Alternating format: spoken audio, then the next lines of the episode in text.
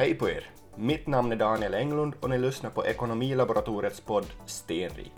Idag är temat placering och då befinner jag mig i Vasa Andelsbanks kontor med Christian Partanen. Välkommen med i podden Christian. Tackar, hej. Eh, om vi börjar med att, att det här, om du vill berätta lite vem du är och vad du har för relation till lantbruksnäringen.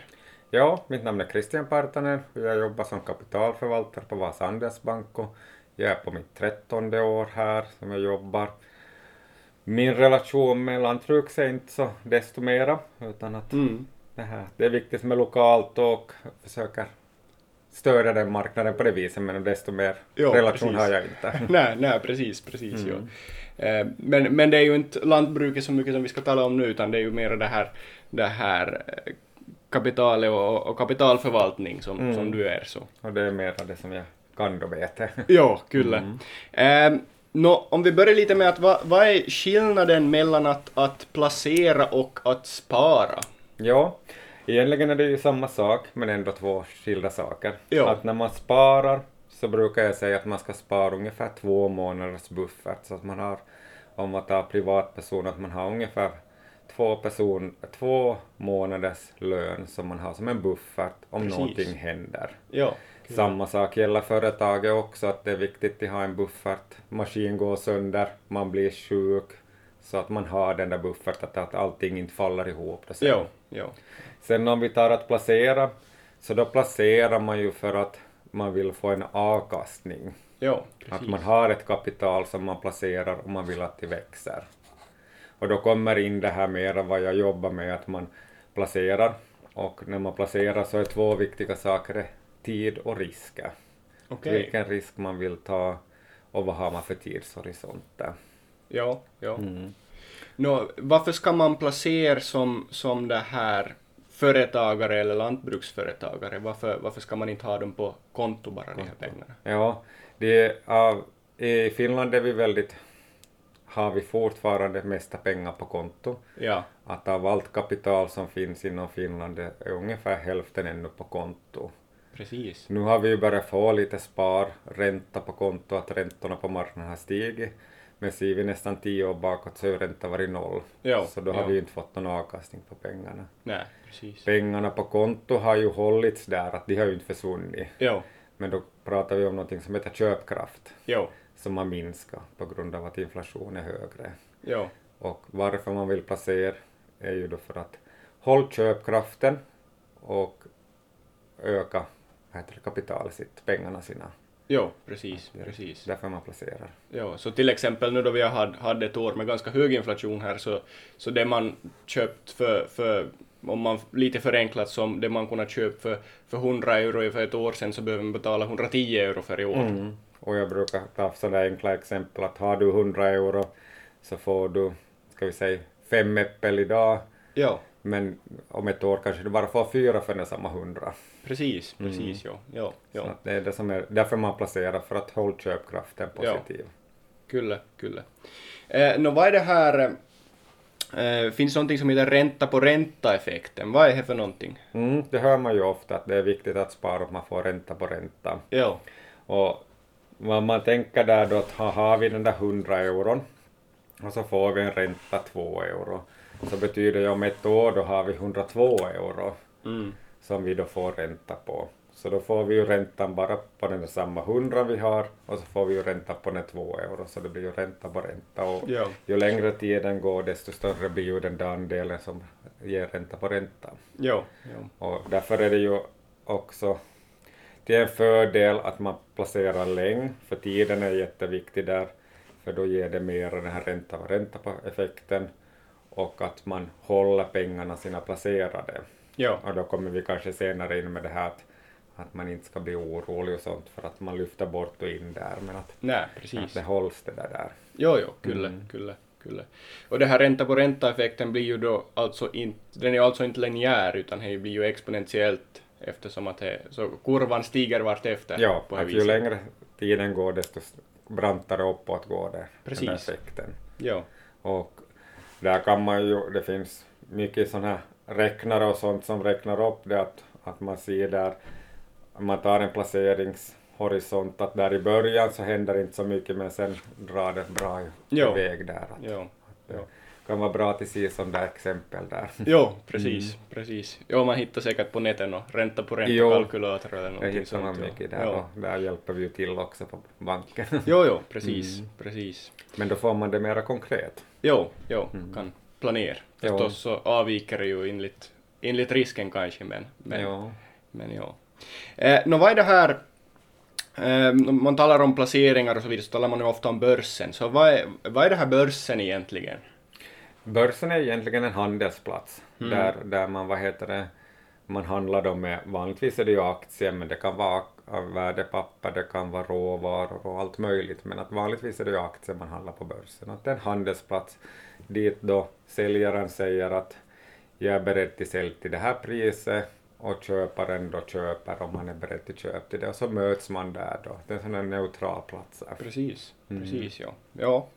Och, och det här, och här finns det både, både aktier och, och, och räntepapper och så vidare. Men om vi går lite mer in på det då, att hu- hurdana placeringsformer finns det riktigt? Att, att, Mm. vad, vad, är- vad är en aktie och, och vad, är, vad är en obligation och så vidare? Ja, om vi börjar med vad en aktie, så då om vi har ett bolag som sätter ut sina aktier, säljer på börsen och så köper kunden x antal aktier. Och en aktie då egentligen, man äger en liten del i bolaget. Ja, Och man har då, vad som är kanske viktigt för kunden är då kanske inte att man är då lite ägare där utan man har då rätt till dividend. Och så har man del, rätt till delta i bolagsstämmor och sånt. Men att man har rätt till dividend och man köper den där aktien för att man har en tro att den ska stiga i värde. jo, precis, Mm. precis. Att den ska avkasta någonting i Mm. form av, av, av, av det här direktavkastning eller, eller värdeökning. värde ja, och helst Precis. båda. Ja, ja, helst båda, ja. Mm. Jo. Eh, så, så här är en aktie, en aktie är en liten del av ett företag. Så kan man Eh, enkelt säga det, ja. Ja, nå, va, va, vad är det här en obligation då? Obligation är egentligen, där är det oftast då banken som skapar ett, ett lån, som man kallar det, eller ett värdepapper. Precis. Och tar vi till exempel, vi tar en aktie, så tror man att där kommer den till stig inom ett par år. Så bygger banken upp ett, ett lån där kunden då köper det här lånet. Och så Okej. finns det olika garantier där då hur man bygger upp lånet. Att, att banken kan garantera att, att kunden får tillbaka helt eller delvis det kapital man sparar in. Då är ju kunden där och får redan ett skydd än att man själv köper den där aktien. Om Ja. det är nu ett aktieobligation som vi pratar om. Precis, precis. Så vad heter det, då får man då den här skyddet där att man vet att när det förfaller så har en bank en möjlighet till betala tillbaka då. Vad, hur man har byggt upp det, det kan vara delvis till en viss procent eller helt och hållet. Och så vet man på förhand vad kommer den där räntan eller avkastningen till vara på lånet. Precis. Så att jag brukar rekommendera det här obligation då just i sån här, ska jag säga, om man vill vara med på aktiemarknaden, om det är en aktieobligation, om man får ett visst skydd med där, att man, man tar inte den där jättestora risken att aktien då far, Jo, precis. kan fara hur som helst. Sen kan man köpa en obligation om vi går tillbaka till det här med lantbruk och sånt, att man tar sån här, om man bygger upp till exempel med spannmål, Jo, att man är rädd lite hur det kommer till gå. jo, så kan man då gardera sig där att, att, vad heter att går det dåligt så vet man att här får jag åtminstone en viss avkastning. Jo, Mm. precis. Precis, ja. Och nu när räntorna har stigit så är det möjlighet att göra också med här räntepappersobligationer Jo, som passar också om man vill minimera risken. Jo, Mm. precis, precis. Uh, Sen jo, hade du också fonder. jo, jo, jag Mm. tänkte, först tänkte jag lite på det här fastigheter, att, att det här, eh, man kan ju placera i fastigheter och de flesta lantbruksföretagare har kanske någon skogs, skogslapp eller något sånt att, att eh, va, det är ju också en placeringsform. Mm. Och där pratar man att det kallas sådana alternativa placeringar.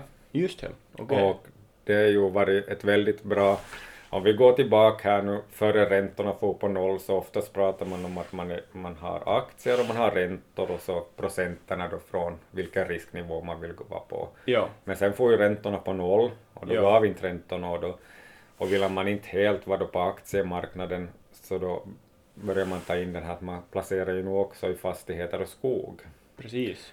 Och då räknas det som till alternativ för att de påverkas ju inte hur aktiemarknaden går eller hur räntemarknaden går. Nej, nej.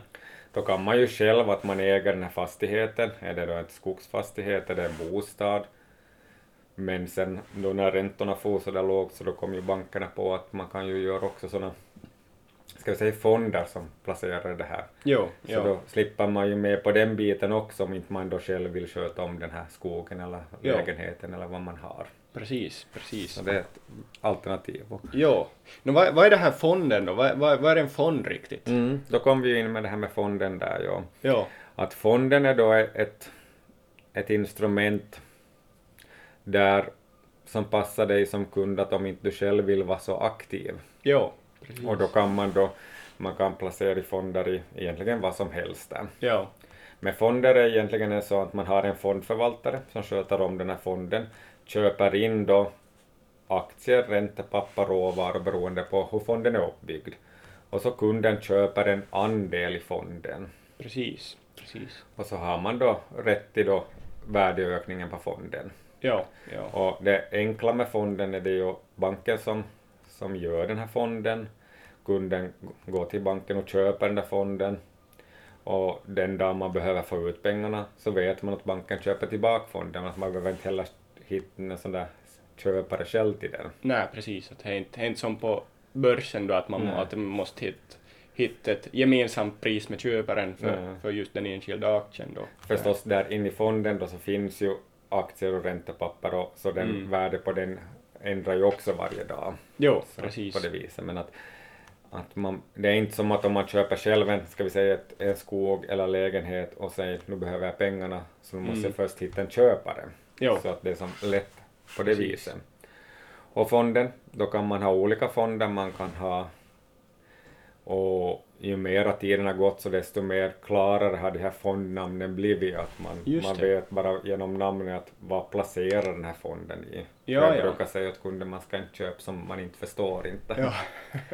att, vad heter det, att tar vi OP Finland så är en som fond då, som placerar finska bolag. Mm. Tar vi skog, av skogen heter fond, så vet man att den placerar i skog. Ja. Så kan man oberoende där då. Fonden kan man välja om man vill ha en fond som betalar ut årligen en liten avkastning eller så tar man en sån fond som växer och avkastningen far dit till fonden och sen först när man själv behöver pengar som man lyfter ut. Och där tillbaka till det här ränta på ränta, att det är bättre då att vet man inte att man varje år vill få ut en del så låter man den växa där för då Ja. man ha ränta på ränta där. Kapitalet återinvesteras inom Mm, fonden. inom ja. fonden, Mm, ja. Mm, Precis, ja. Nå, det här, om vi kommer lite då till, till vi, har, vi har gått igenom olika placeringsformer och hur, hur det här en fond, en fond då i sin tur placerar i de här placeringsformerna.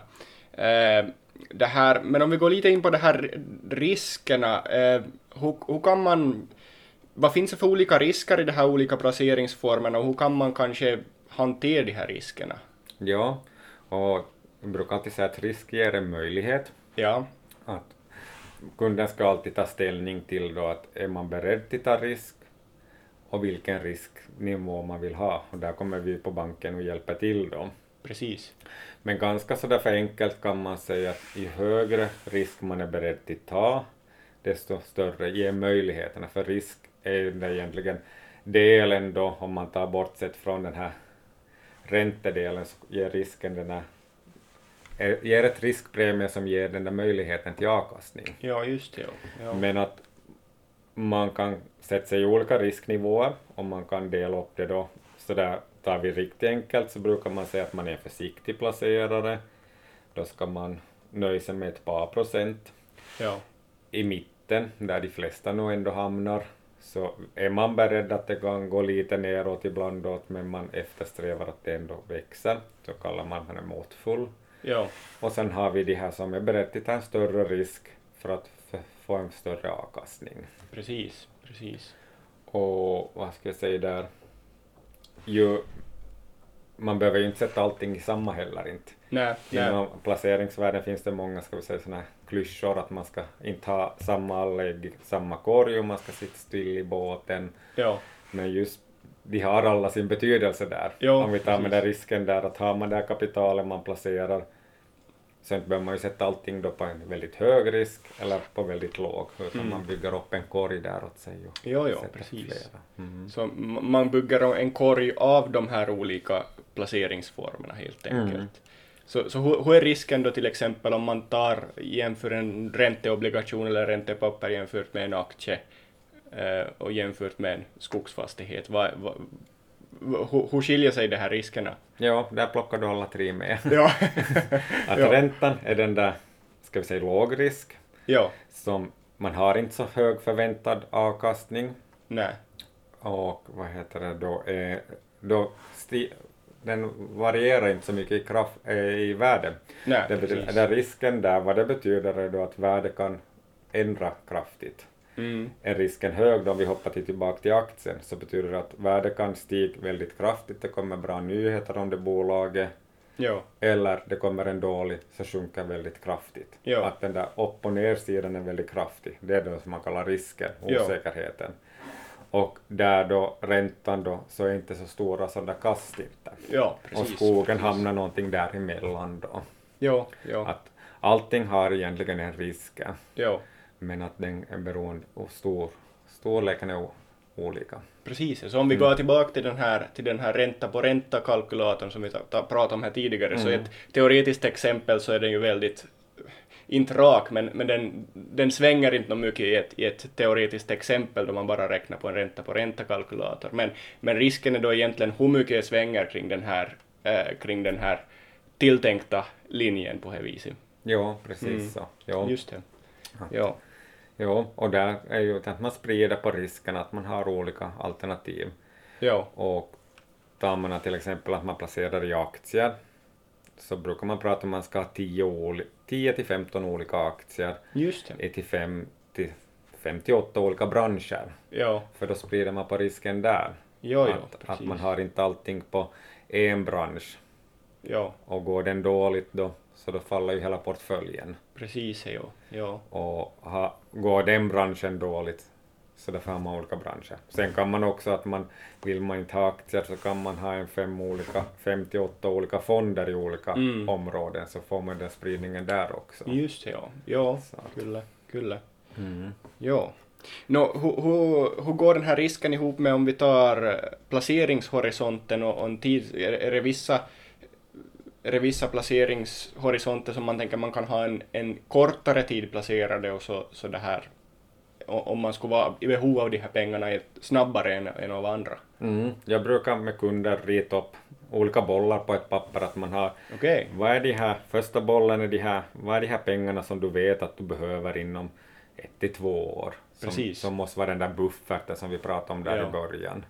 Så där ska ju risken vara ganska låg eller Ja. minimal för att de måste finnas där att kommer det någon stor oro på marknaden så att vad heter placeringar sjunker så vill man inte att den delen sjunker. Inte. Nej, nej. Men då ska vi ju inte hålla alla pengar där heller för att vi vet också att de hålls där, de pengarna, men då vet vi också att de växer inte nå där. Nej, precis. Att vi har Och- en pro procentuell, Mm. eh, procentuell en, faktor som påverkar procentuellt på värdet på pengarna. På Jo. ja. Så att de har, den där bufferten där. Ja. Den där tredje bollen brukar jag säga att där har vi sådana pengar som vi vet att inom några år kanske vi behöver Precis. ha företaget. Vi vet att det kommer de här stora investeringarna Mm. som vi vet att vi måste få ut kapital för att då. Så kan vi ha där. Så Ja. vi har möjlighet till lite få växt på. Jo, precis. Och sen den där tredje bollen brukar vara de här pengarna som... De här pengarna har vi. Vi vet att vi någon gång kommer att behöva de, men vi vet inte riktigt när. Ja. Då kommer vi in på det här att de placerar vi då. Mm. Och då, när tiden är längre där, så då kan vi ta större risker där. Just det. Eller vi borde kunna ta, Ja, inte, ja. behöver vi. Det är ju upp till kunden själv, men att, Jo, men att då, då har vi möjligheter och då blir ju alternativen mera där också. jo, precis. Så att man sprider på det.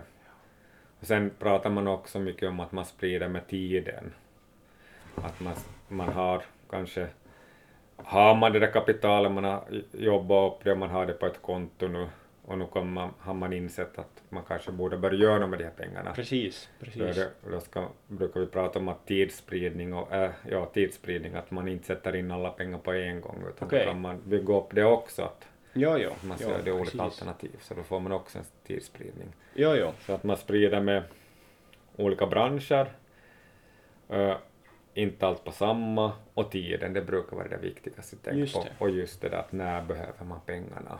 Ja, ja, precis. Så den här tiden var egentligen att, att man, om man köper varenda månad till exempel, så köper man ju, så efter ett år så har man ju i princip snittet då av, av, av hela året och sa, på, på samma vis som man köper under en tioårsperiod. Att, Ja, att det här. och där finns mycket teori bakom där och mycket sånt här att man ska inte blanda in känslor med, med placeringar. Och tänker man att börsen, de flesta har nog sitt sådana börskurser, de går upp och de går ner och Ja, bakåt sett kan vi sätta att vi, vi säljer alltid när det är uppåt och vi köper alltid där neråt. jo, Men det är jo, ganska omöjligt på förhand att veta att när de kommer.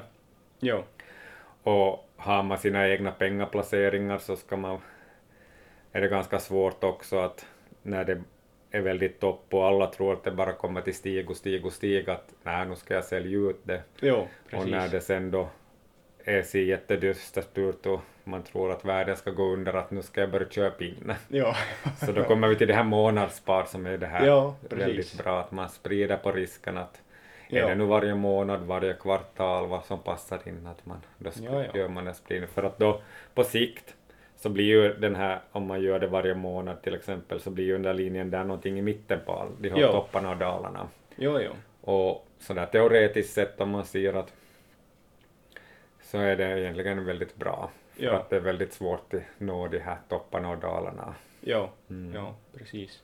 Jo, nå, det här, nu har vi gått igenom all, all de här eh, placeringsformerna eh, och så vidare, riskspridning, diversifiering och sen också just det här med placeringshorisonten. Eh, men så här rent konkret, att, att hur rekommenderar du att man börjar placera då?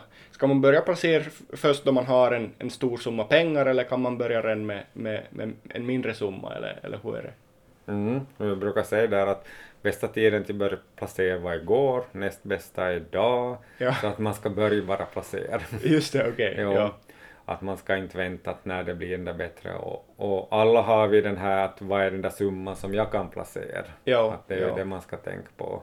Precis. Men att man börjar sätta undan, att man börjar bygga upp den här bufferten.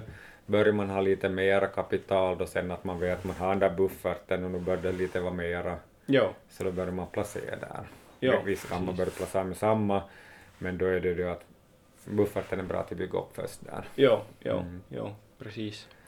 Okej, så, så det här, så, så egentligen, det var, det var bäst att börja igår redan. Ja, för det, att man få, brukar säga så. ja, för, för då, om man, om man tar tillbaka det där ränta på ränta-effekten så det blir ju mer ju längre tid man har, har varit med Ja. eh, på det viset. Ja.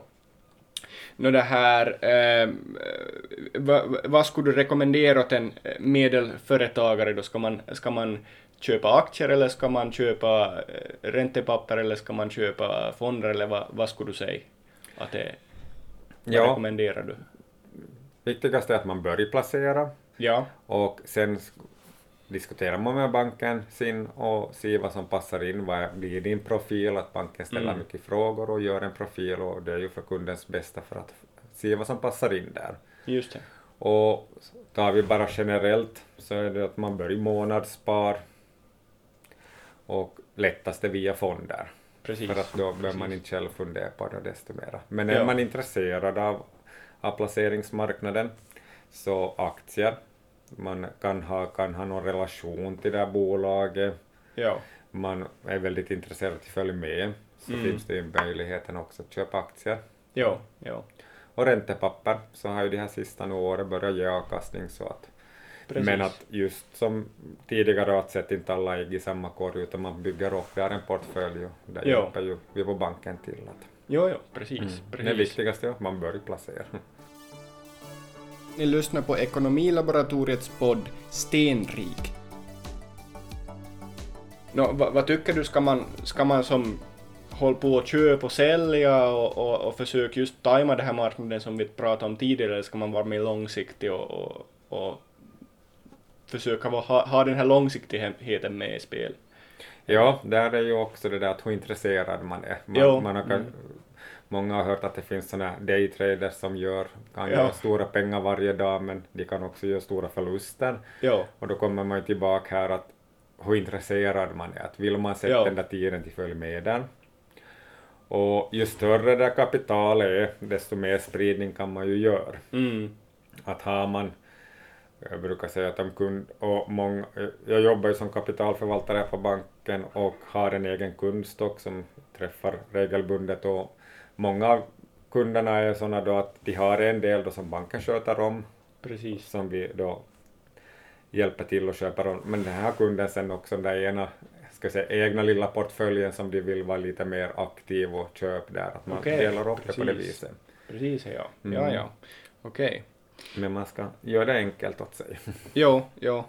Eh, nå, vad vad är de här vanligast placeringsstrategierna då? Eh, om du har någonting att tillägga från det vi har sagt hittills eller? Ja, vanligt är att man har en viss, att man, om vi tar den vanliga placerare, blir någonstans där en sån där måttfull, en sån där medelväg, att man, Precis. man är beredd att ta lite risk, men man vill inte vara alltför riskfylld. Jo. Så då har man oftast, man har kanske hälften då i några aktier eller aktiefonder som är på den här aktiemarknaden. Jo. Man har kanske en 20 procent på sådana alternativa placeringar som är vanligtvis då fastigheter eller skog. Oftast då via fonder eller så äger man det själv. Mm. Och så har mm. man lite räntepapper där för att få ner vad risken där i portföljen. Jo, Mm. Och där gör man jättelätt via fonder för att Jo, jo, jo. fonderna finns ju olika och det finns fonder som är färdigt uppbyggda så här också. Precis, Mm. precis.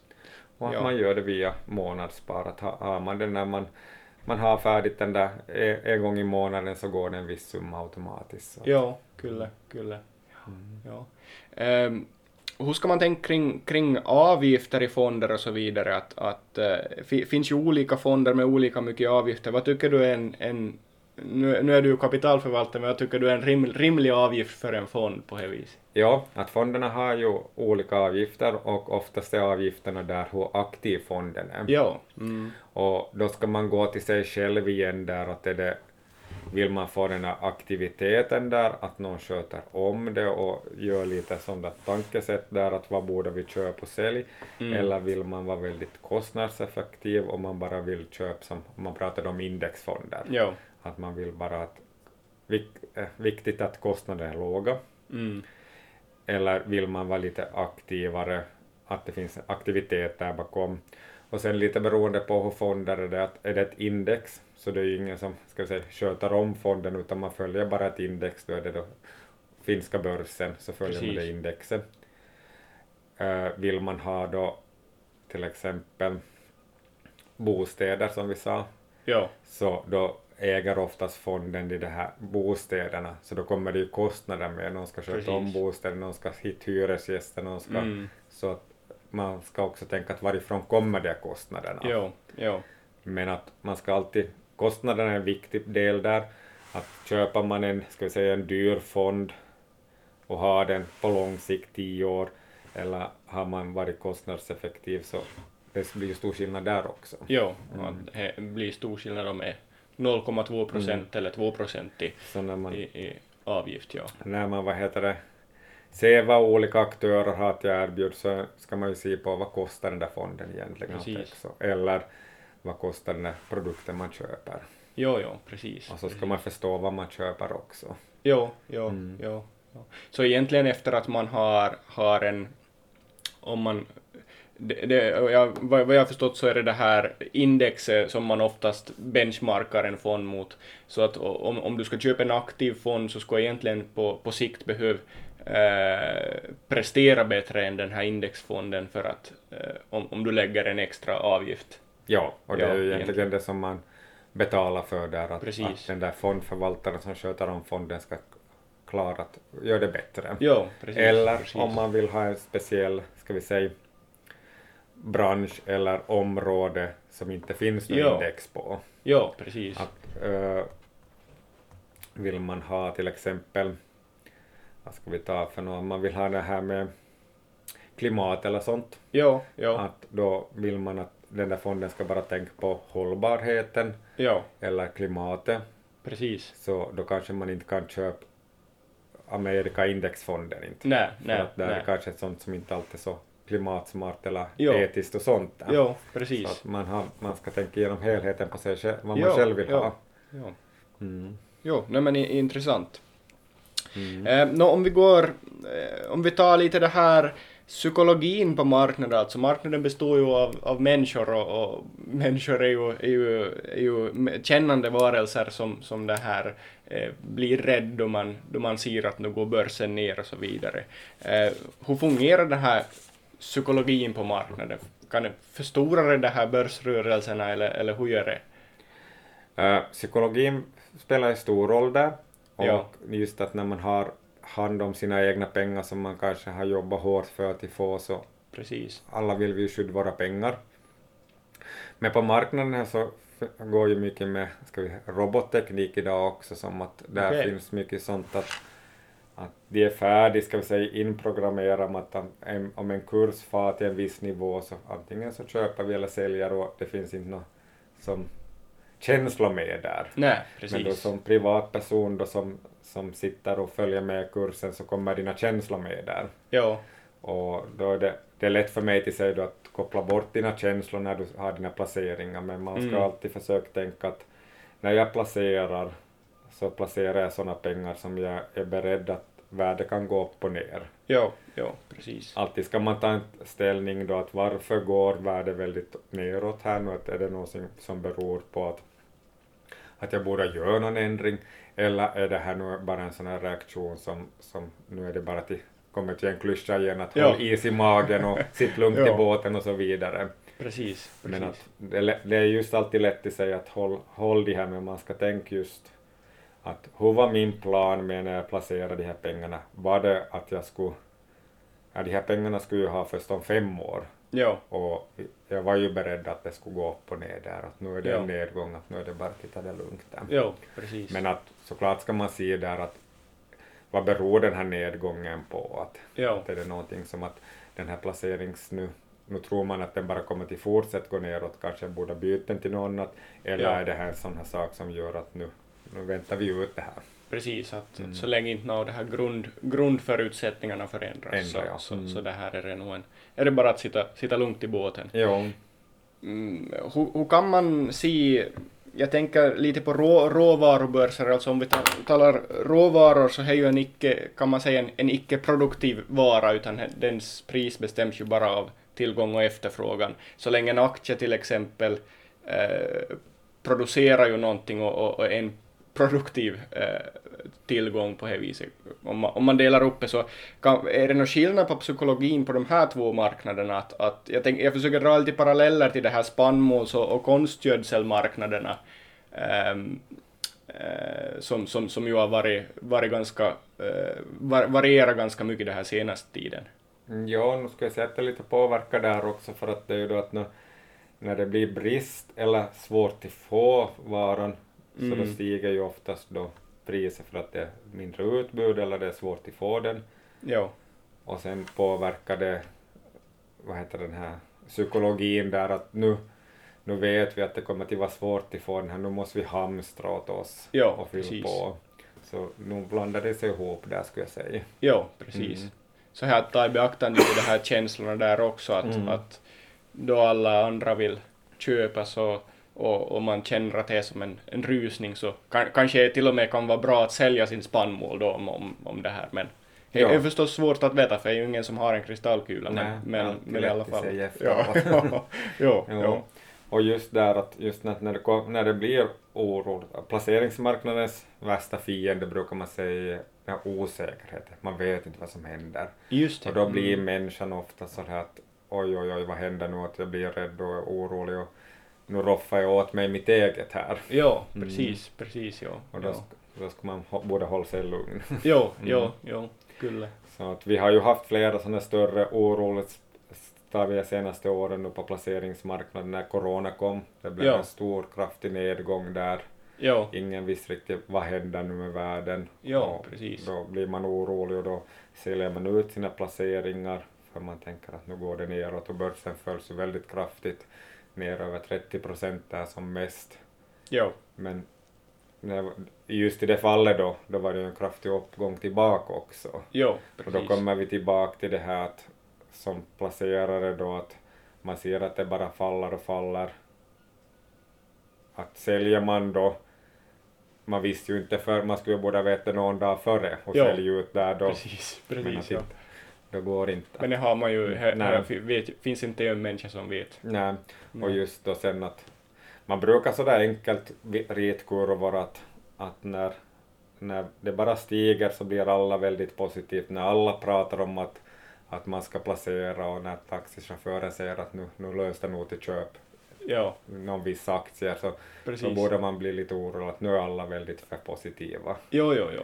Och sen mm. när det far väldigt kraftigt neråt och man hör bara på nyheterna att nu går nog världen under om vi nu säger sådär ja. drastiskt så då borde man börja se att stämmer det här eller är det här nu bara någon kris som vi vet att vi kommer till komma ur? Ja. Är det så här dåligt, går bolagen så här dåligt som man pratar eller är det kanske inte så? Ja. Så här kanske jag skulle borde börja.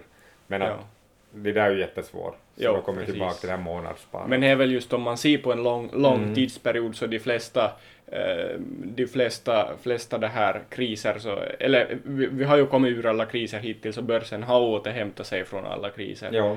Så, så på ett långt perspektiv så har det varit lönsamt att, att sitta still i båten och, och ha kvar de där pengarna och kanske lägg till lite pengar vartefter. Att de här kriserna kommer hela tiden att vi har ju bara data bakåt, vi har nog data jo, framåt. Jo. Men ser man bakåt, till exempel på amerikanska marknaden, som kan ha en 120 år bakåt. Precis. Så har man då för 120 år sedan haft en dollar då, som är ju nästan en euro i dagsläget, haft jo. den på konto, så har den vuxit till det dubbla idag. Jo, okay. med, med den ränta man har fått på konton under den här tiden. Men ja. har man placerat den då på aktiemarknaden ja. så är den över 2000 idag. Ja, just det, så ja. nog.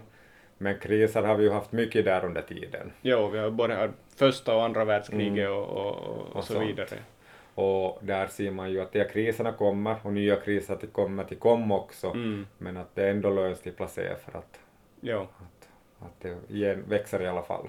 Jo, jo mm. precis. Och de här kriserna ser man bara sådär kallt på placeringsmarknaden så ger det ju möjligheter. Men... Jo. Mm, mm. Mm. Precis. Eh, no det här, du sa eh, marknaden sett ut de senaste åren gick vi igenom coronakrisen mm. lite, men hur, hur, hur, har det här, vad annat har påverkat? Hur, hur har Ukraina-kriget och, och påverkat det här börskurvorna? Kurserna, ja, om man ska tänka på börskurvorna så är oftast 6-12 månader före vad man tror okay. vad som kommer till hända. Precis. Men att alltid när det kommer någon sån här kraftig nedgång som när i fjol när corona, eller när Ukraina-kriget startade så rör ja. sig börsen för att nu händer det något som är hemskt och vi vet inte vad som händer. Ja, precis. Men att sen när den chocken lägger sig så börjar marknaden se att vad händer framöver.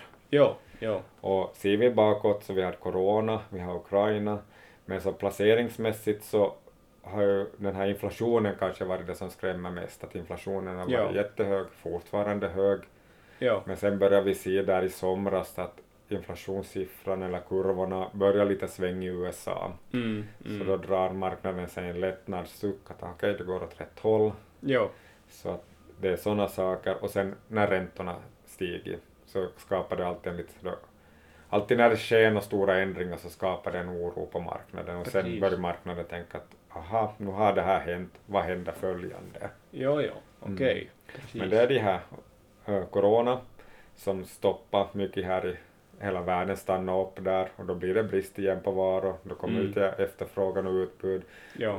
Efterfrågan var fortfarande stor men det fanns inte utbud. Så pris, priserna stiger och det blir brist. Ja och då stiger inflationen. Jo. Och stiger inflationen för högt så då hinner inte kunden då, personen, inflationen, allting blir dyrare, men inkomsterna stiger inte i samma takt så har man inte råd med samma sak. Nej, nej, precis. Sen stiger räntorna som gör då att både kunden, är det en privat kund, har kanske lån, bostadslån är det vanliga, företagen kanske har lån för att investera, då stiger de fasta kostnader för att man börjar betala mera ränta. Jo, Då blir, man också, då blir pengarna, vad som lämnar över, då blir mindre också. jo. Så Kunderna har mer, eller konsumenterna har mindre att konsumera och företagen kan investera mindre för Mm. att, jo. Och just när det sker sådana här ändringar så är vi tillbaka på att det är den här osäkerheten, att Mm. hur kommer det att gå? Jo, Och då blir människan också igen det här att oj, nu blir det oroligt, nu måste jag skydda mitt eget. mm. Jag kanske har, har de samma inkomsterna, jag kan lite minska på mina utgifter, jo. men nu måste jag hålla fast i det jag har. Och då konsumerar jag ännu mindre. Mm. Så då företagaren då så säljer mindre och så Jo, rullar det på. precis. Den har- enes utgifter den andras, är den andras inkomst. inkomster, ja. Precis. Och sen säger media då att vi måste fortsätta konsumera, Mm. men då är det att det får alla andra göra, att jag måste skydda mitt. Jo, jo, jo, Mm. precis. Precis, jo. Sen har vi ju haft energikris också, Mm, eller har ja. ju ännu förstås, så det Ja. har ju också påverkat. Jo, att, att Mm. sto, stora förändringar på råvarumarknaderna Ja. faktiskt. Ja. Mm. Nå, vad skulle du säga att, att vilka faktorer påverkar det här börsutvecklingen inom det här närmaste framtiden om vi tar en, en fem år eller så vidare? Det är ju svårt att säga något längre fram men att Ja, det, det kan vara roligt att se om man ser bakåt, att om man pratar att när jag sa att jag har en egen kundstock som jag träffar regelbundet, att, ja, så brukar vi lite se tillbaka, vad, vad tänkte vi för ett halvår sedan? ja, precis. Och då sa jag så här, men då gick det så här. Ja, Så att ja, ja de här, precis. vad som händer framåt så vet man ju inte, men marknaden hela tiden försöker ju förutspå. Ja, ja, Så man, vad man ser positivare, att ser man nu aktiekursen så det överlag ett år bakåt så ligger oftast nu ännu de flesta kurserna på minus. mm, Och ser man att man har där i slutet på 20, 21 före Ukraina blev, så är man ännu mer på minus för då var det väldigt på topp där. precis. Men ser vi lite bakåt att skulle man ha prickat rätt det här när corona nedgången var och det Mm. började vara upp, fast vi har haft nedgång ännu, så skulle Precis. börsen vara över 60 procent på plus där. Ja. Så att, Ja, men i genomsnitt så har man placerat på aktiemarknaden sedan 94 så har man i genomsnitt fått nästan tvåsiffrigt där, 8, 9, 10 procents årlig avkastning. Vissa år var ju väldigt kraftigt neråt men, och vissa väldigt uppåt, men tar man Mm. det i genomsnittet, när man då på konto i genomsnitt har fått en 2 procent, så ja. det har nog löst på aktierna. Men ser vi, då vi funderar vad som händer framöver. Jo, jo, eller vilka ka- faktorer ja, som, som påverkar. påverkar. Vi vet ju inte vad som händer, men, men vad som påverkar det som händer. Ja, och det där som man ser att inflationen är på väg neråt, för centralbankerna har ju höjt räntorna, det är deras uppgift att försöka få ner inflationen. Jo, Centralbanken har satt som mål att inflationen skulle, ska borde vara på en 2 procent, för inflationen ska inte heller vara på noll eller på minus, inte, Mm, men inte heller mm. bra. Inte, men, nej. Räntehöjningarna ser man att de har ju stigit väldigt kraftigt här. Vi behöver inte gå många år bakåt så sa man att det tar flera år för räntan är tillbaka på noll. Jo, jo. Mm. Mm. Men att man ser att vi är kanske där på toppen nu, att nu kanske vi börjar lite återhämta sig och räntan kanske, det kommer nog till vara positivt. Att inte Mm. tro, jag tror inte många eller någon helst tror att räntan går tillbaka till noll nu Nej. på kort tid. Men att räntan är positiv, men den inte stiger heller inte. Precis. Sen försvagas ju dollarn också. Dollarn är en väldigt viktig valuta där så Ja. att det har också påverkan. Okej, jo. Mm. Och, men då är det då att om man ser sådana värderingar på aktien, är de dyra eller billiga, man kan göra många olika matematiska beräkningar, så ser kanske aktierna billiga ut och historiskt sett. Just det, okej. Men där finns den där oron då att kommer företagen till göra samma tillväxt, Mm, mm. så sjunker tillväxten så sjunker de värderingarna på de här nyckeltalen man tar också, så då är de kanske, det är därför de kanske är på den värdering de är idag. Precis, precis. Man är kanske lite orolig där just på grund av att hur, när den här räntan stiger, kunderna köper mindre kanske, Mm. så det är sån här. Så Så, att, att det här utbudet, efterfrågan på, på företagens varor kanske minskar på det Ja, det är man kanske lite orolig på. Ag- aggregerad efterfrågan Mm. på det viset, ja. Så att det är nog det, men när man ser positivt. Och Ja. året har ju börjat jättebra sån här Ja. placeringsmässigt. Mm, Så. mm, faktiskt, ja. Här, om man tänker vad den, ska säga, kunden kanske ser på nyheterna och hör de här oroligheterna där. Men Ja. placeringsmarknaden, nog ser man på dem också, men det kan vara mycket andra saker som påverkar vad man tror där. Precis. För att man ser att nu är det krig i Europa. Aha, hur påverkar det här? Vilka bolag påverkas där? Ja, Och ja. vilka påverkas inte? Mm, Och någon annan kris kan det vara, om det är brist på någonting, så är det de här bolagen som påverkas negativt. Men då kanske det finns något annat bolag som gynnas av att det här, ja, att precis. det, något av- annat går dåligt. olika, Mm. olika faktorer påverkar företag på olika sätt Mm. förstås. Om vi går tillbaka Mm. nu när corona slog till, så då hamnar människan, till, eller kunden eller vi alla satt hemma. Ja, Men ja. ändå vill vi äta mat, vi vill Ja. ändå unna oss lite gott. Då, vi kan inte gå på restaurang. Nej. Ja, men då kanske då vanliga mataffären säljer mera mat. Mm, Och då mm. går det ju bra. Ja, ja. Det är ja. så placeringsmarknaden tänker. Jo, precis. Det var bra att avsluta med det här, men Mm. tusen tack Christian för att du ville vara med i podden. Ja, tack för att jag fick komma med.